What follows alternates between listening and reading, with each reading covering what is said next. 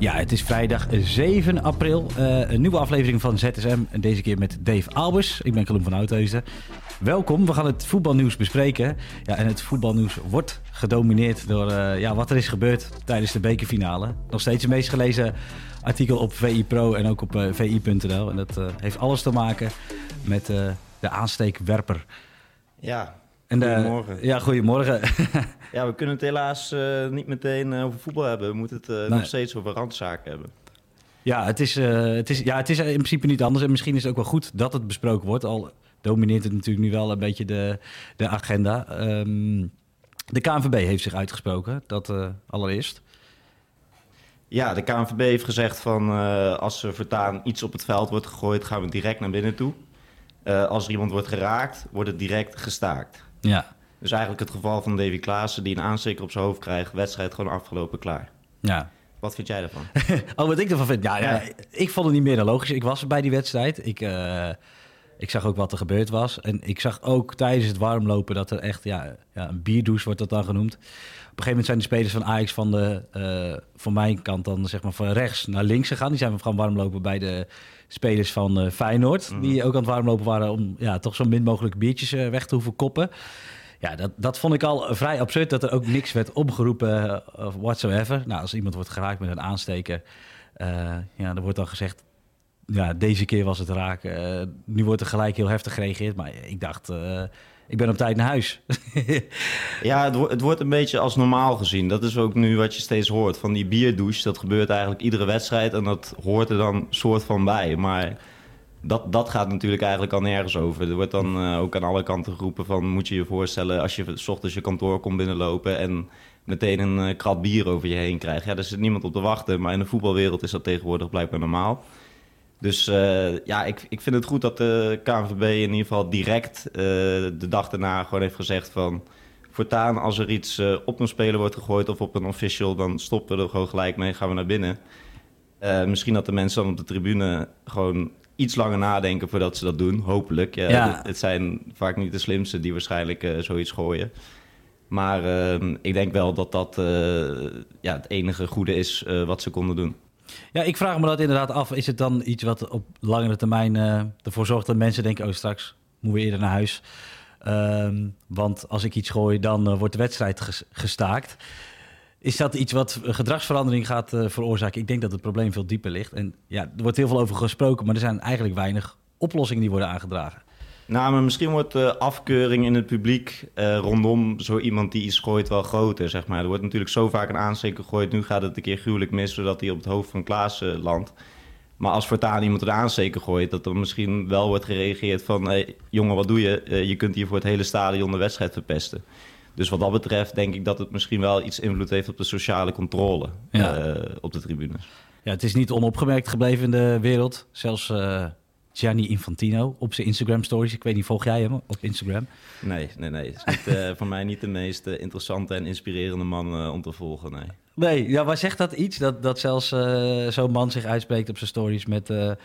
There's no place for violence. Wel, wel leuk uit zijn mond natuurlijk ook. Maar, en inderdaad dat hij Davy Klaas heeft genoemd in zijn stories. Wat zegt dat?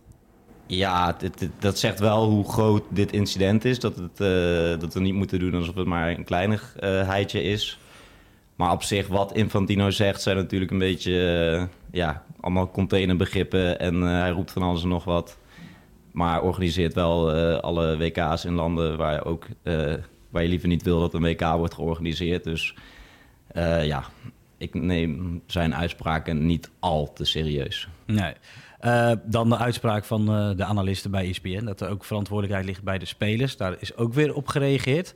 Of dat wel of niet zo is. Hoe kijk jij er tegenaan? Uh, ja, aan de ene kant heb ik wel zoiets van... Ja, gedraag je een beetje volwassen.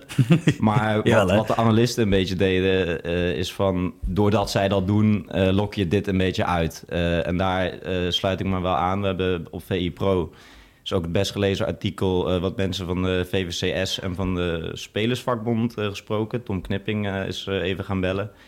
En ik geloof de directeur, Co Andriessen, die gaf ook aan van ja, bij een bokswedstrijd wordt er ook op de dingen gevochten. Dat, dat, dat, dat wil toch niet zeggen dat dan mensen op de tribune ook maar daar met elkaar gaan knokken. Daar gebeurt dat in principe ook niet. hij zei ook, we leven niet meer in de tijd van Romeinen, dat we zo, ja, zo simpel denken. Dus ja, ik vind het wel makkelijk om het bij de spelers te leggen. Ja, op zich wel een leuke analogie, want bij Glory uh, evenement is volgens mij niet altijd goed gegaan. Er wordt ook nog wel eens flink nee, gemaakt. maar nee, ik, maar ik, punt ik, ik snap wat hij bedoelt. Ja, um, we hebben het behandeld. Ik denk dat we het gewoon weer lekker over voetbal uh, gaan hebben. Ja, hopelijk kunnen we dat de komende tijd ook weer. Want er zijn wel echt veel incidenten op rij geweest... waar je het dan iedere keer over moet hebben, waar het ook over moet gaan. maar ja, liever, liever even niet meer. Laten we allemaal gewoon weer even normaal doen Zoals uh, John de Wolf uh, ook uh, riep. Ja, mooi om die bewoordingen van een oud trainer van Spakenburg te horen. ja, ja, maar nee, hopelijk hebben we het hier voorlopig even niet meer over. En kunnen we het weer gewoon over mooie acties hebben, mooie aanvallen en dat soort dingen. Nou, Dave, dan gaan wij dat ook doen. En om te beginnen met Toulouse. Nederlands succes in Frankrijk. Tenminste, zo wordt het al een beetje genoemd. Ja. drie Nederlandse spelers die inmiddels wel bekend zijn bij de mensen, denk ik, in de huiskamers. Ja, er zitten natuurlijk drie uh, Nederlanders. Uh, Spierings, uh, Van de Bomen en de spits Dallinga. Maar die hebben nu de finale van de Coupe de France bereikt. Dus ja, hartstikke mooi natuurlijk. Ze moesten tegen een club uit de tweede divisie, geloof ik... waar ze Annecy, nog heel erg moeilijk tegen hebben gehad. Maar uh, ja, mooi is. Ze gaan in de finale tegen Nant spelen, geloof ik. Hè? Tegen Nant. Voor het eerst uh, in 65 jaar. Dus uh, ook een uitzinnige voorzitter te lezen op VI. Ja. Die helemaal blij was. Het is de, de finale dan de nummer 13 tegen de nummer 14, geloof ik, van de League E. Dus wel, wel een mooie finale. Zie je in Nederland niet zo vaak. Nee, nou ja, en inderdaad Nant. die hebben volgens mij van Lyon nog gewonnen. 29 april staat. Ja, hoe leuk is eigenlijk dat die Nederlanders, die ja, in Nederland eigenlijk niet echt uh, zijn opgevallen. Branko van de Bomen, ja, die, die, die wordt echt uh, bewonderd. Uh, geroemd om zijn rechterbeen. Um, Thijs Dallinga, Feyenoord was op zoek naar een spits. Durfde het wel aan met Wiever, maar niet met Dallinga. Die floreren dan nu in die Franse competitie. Ja, die club heeft in ieder geval de scouting en uh, alle datamodellen. Ik geloof dat Pieter Zwart daar ook een keer een uh, pro-artikel over heeft geschreven. Uh, goed op orde, zeg maar. Dat ze zelfs in de lagere divisies in Nederland dan spelers weten op te pikken die uiteindelijk gewoon in de league mee kunnen. En nu dus ook de bekerfinale hebben bereikt. Maar het is, het is in ieder geval mooi om dat van de buitenkant te zien. Ja, en dan had jij nog iets over Tom Duchatinier. Ja. Zeg je bijna, bijna verkeerd uit. Uh, Ton du Châtinet en de Franse competitie? Of? Ja, er komt dit weekend uh, een, een, verhaal van mij online over Ton du Châtinet. Die kennen we allemaal nog van uh, FC Utrecht. Maar die, die runt tegenwoordig, of ja, hij zegt zelf het is geen bed and breakfast. Maar die heeft in ieder geval een, een enorm Frans château in Frankrijk, vlakbij Toulouse. Dus hij gaat ook nog vaak bij Toulouse kijken. Maar uh, ja, zijn leven is dus uh, compleet veranderd. Uh, die, die, die zit continu op de gasmaaier en die heeft allemaal dieren om zich heen. En die woont daar midden in de natuur op een... ja, het is, het is een gigantisch... Het is gigantisch groot en een zwembad erbij, tennisbaan erbij. Hij heeft een eigen, golfgreen heeft hij gemaakt. We hebben het nog steeds over Ton du Chatinier, hè? Ja, dat is Ton du Chatinier. ja. En dat is, dat is een geweldige man, een echte Utrechter. En ehm, ja, hij zei dus ook van, uh, ik, ik vroeg van, uh, is, die liefde voor Frankrijk er altijd geweest? Toen zei hij ook, uh, du Chatinier is ook het enige woord Frans dat ik, dat ik eigenlijk spreek. Ja. trottoir en toilet lukte ook nog wel, zei hij, maar verder moest hij alles met handen en voeten doen. Geweldig. Dus ehm, ja, ga dat, ga dat vooral lezen, want hij heeft ook geweldige anekdotes. Want hij heeft ook als assistent trainer van Guus Hiddink in de tijd bij Anzi Makachala gezeten. Toen toen een uh, miljardair die club overnam. Dat is de tijd van Samuel Eto'o, van Willian, van uh, Roberto Carlos, Lassana Diarra.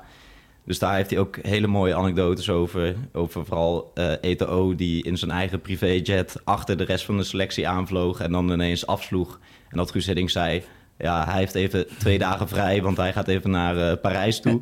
ja. En uh, dan sloeg hij gewoon met zijn privéjet af de andere kant op. En dan uh, de rest van de selectie vond het allemaal helemaal prima, want de grote Samuel Eto'o kon alles maken. Maar die, ja, Ton kan geweldig vertellen, dus ga dat vooral lezen van het weekend. Ja, en jij kan geweldig schrijven, dus dat belooft een goede combinatie te worden. Dankjewel.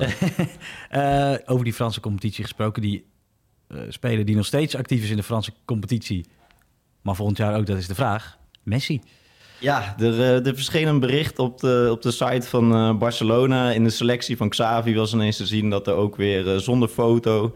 stond er ineens weer Messi bij met zijn rugnummer 30. waarmee hij bij Paris Saint-Germain speelt, waarmee hij ook bij Barcelona is gedebuteerd. en daarbij stonden alleen zo zijn statistieken ook bij. de krankzinnige statistieken ook trouwens. Uh, maar dat heeft natuurlijk wel de speculaties weer gevoed. Van, uh, gaat hij nou echt deze zomer weer thuiskomen bij Barcelona? Want uh, bij Paris is er natuurlijk geen geweldige match geweest. Is ondertussen wereldkampioen geworden. Maar wordt daar op de Franse velden gewoon uitgefloten door zijn, door zijn eigen publiek. Ja, hoe kan dat nou eigenlijk? Hè? Want ik, ik kijk er ook naar. Ik, ik ben op het WK geweest, dus ik heb Messi daar in actie gezien ik was even weg van het uh, sentiment wat Nederlanders hebben uh, over Argentinië. Ik heb daar gefeest met die Argentiniërs, sorry mensen. Maar dat was geweldig in die beleving, die helderverering van Messi. Ja, ik vond het eigenlijk wel mooi. Daarom vind ik het echt bizar om te zien dat de speler als Messi, al snap ik ook hoe hij over het veld loopt, dat hij wordt uitgefloten. Maar dat, dat is toch ook iets? Nee, ja, ik, ik vind dat je een speler als Messi onder geen enkel beding mag uitfluiten. Ook al zet hij nog maar twee stappen per wedstrijd, wat die man allemaal geflikt heeft. Daar kun je, kun je alleen maar respect voor hebben. Dus um, ja, ik, uh, ik zou het wel heel mooi vinden als hij terug zou keren bij Barcelona. Toevallig heb ik van de week kort met uh, Ibrahim Afellay gesproken. Er was een, uh, een Champions League event in Utrecht, waar de Champions League beker ook was. En daar was Afellay die wat vragen op het podium beantwoordde en ook voor de media nog wat... En die vertelde ook over die tijd bij Barcelona. Dat, hij heeft daar in 2011 natuurlijk de Champions League gewonnen. Onder het Barcelona van Guardiola. En ik vroeg naar die, die rondo's, hoor je altijd die verhalen over mhm. van hoe, hoe dat eraan toe ging. En hij zei van, ik kwam ertussen en hij zei, het was net alsof ik midden op de snelweg stond, waar aan alle kanten auto's voorbij raasden en het was gewoon niet normaal. Lijkt me vreselijk. Ja, dus uh, ja, ik zou, ik zou het in ieder geval prachtig vinden als hij, als hij weer bij Barcelona het nog één keer kan laten zien. Want ik geloof wel als je ja, hij maakt natuurlijk, hij heeft nooit heel veel meters gemaakt, maar hij wordt nu ook steeds ouder. Maar ik denk als Xavi alles er mooi omheen bouwt, dat het nog wel één keer heel erg geweldig kan worden. En dan uh, nog één Champions League bekertje zou mooi zijn, toch? Wel, ja, ja, jij durft te dromen. Um, ja, afbraakrisico wordt natuurlijk wel genoemd. Uh, Xavi zelf zei uh, The Last Dance. Daar vergeleek hij de, de, mogelijke terugkeer van Messi mee met de verwijzing natuurlijk. Ja, wordt wel iedere voetballer die uh, iets voor het laatst gaat doen, is tegenwoordig The Last Dance. Ja. Eén keer een goede basketbaldocumentaire geweest en alles is nu een Last Dance. maar uh, ja, het zou, uh, het, zou, het zou geweldig zijn en ik, ik zou het alleen maar toejuichen. De man is wel binnen natuurlijk. Saudi-Arabië is, is het alternatief, tenminste zo schijnt het, om daar te gaan voetballen. Ja. Wat, hoe, hoe, ja, we kunnen natuurlijk moeilijk in dat knarretje van, van die kleine man kijken, maar wat, wat zou hij dan denken? Ik, ik heb altijd zoiets van, kijk, stel je speelt bij FC Groningen en je verdient niet waanzinnig veel en je krijgt een kans om naar het Midden-Oosten te gaan, dan snap ik dat helemaal. Maar als je Messi bent en ik weet even niet de cijfers paraat hoeveel hij verdient maar bij Paris Saint-Germain, maar in ieder geval krankzinnig veel, moet je dan, word je dan zo hebberig dat je ook nog, nog meer uh, wil gaan verdienen in Saudi-Arabië? Wat moet je ermee? Ja, ja, dus ja Ronaldo blijkbaar, ja, die, die heeft nog wat alimentatie te betalen, maar ja. Die, die zit daar wel nog eventjes... Uh, nee, ja, toch een brede zakken te vullen. Ik vind het voor Messi ook bij Barcelona geen afbreukrisico. Het is, het is gewoon super mooi als hij terug zou keren. Er is iets misgegaan waardoor hij er nu niet meer zit. Hij had er eigenlijk ook nooit weg moeten gaan. Uh, ja, en als je gewoon thuis wil komen en gewoon nog even lekker wil voetballen, dan vind ik het eigenlijk geen afbreukrisico. Zeg maar. Ik vind het slechter op een carrière staan als je dan nog uh, drie jaar geld gaat scheppen in uh, Saudi-Arabië. Ja, nou, we gaan het allemaal zien. Ik uh, ben het met je eens, Steve. Ik hoop ook dat hij terugkomt bij Barcelona. Nou ja, we gaan het zien. bedankt in ieder geval. En ik zou zeggen tot de volgende ZSM. Tot ZSM. Tot ZSM, dat is het. Ja, tot ZSM.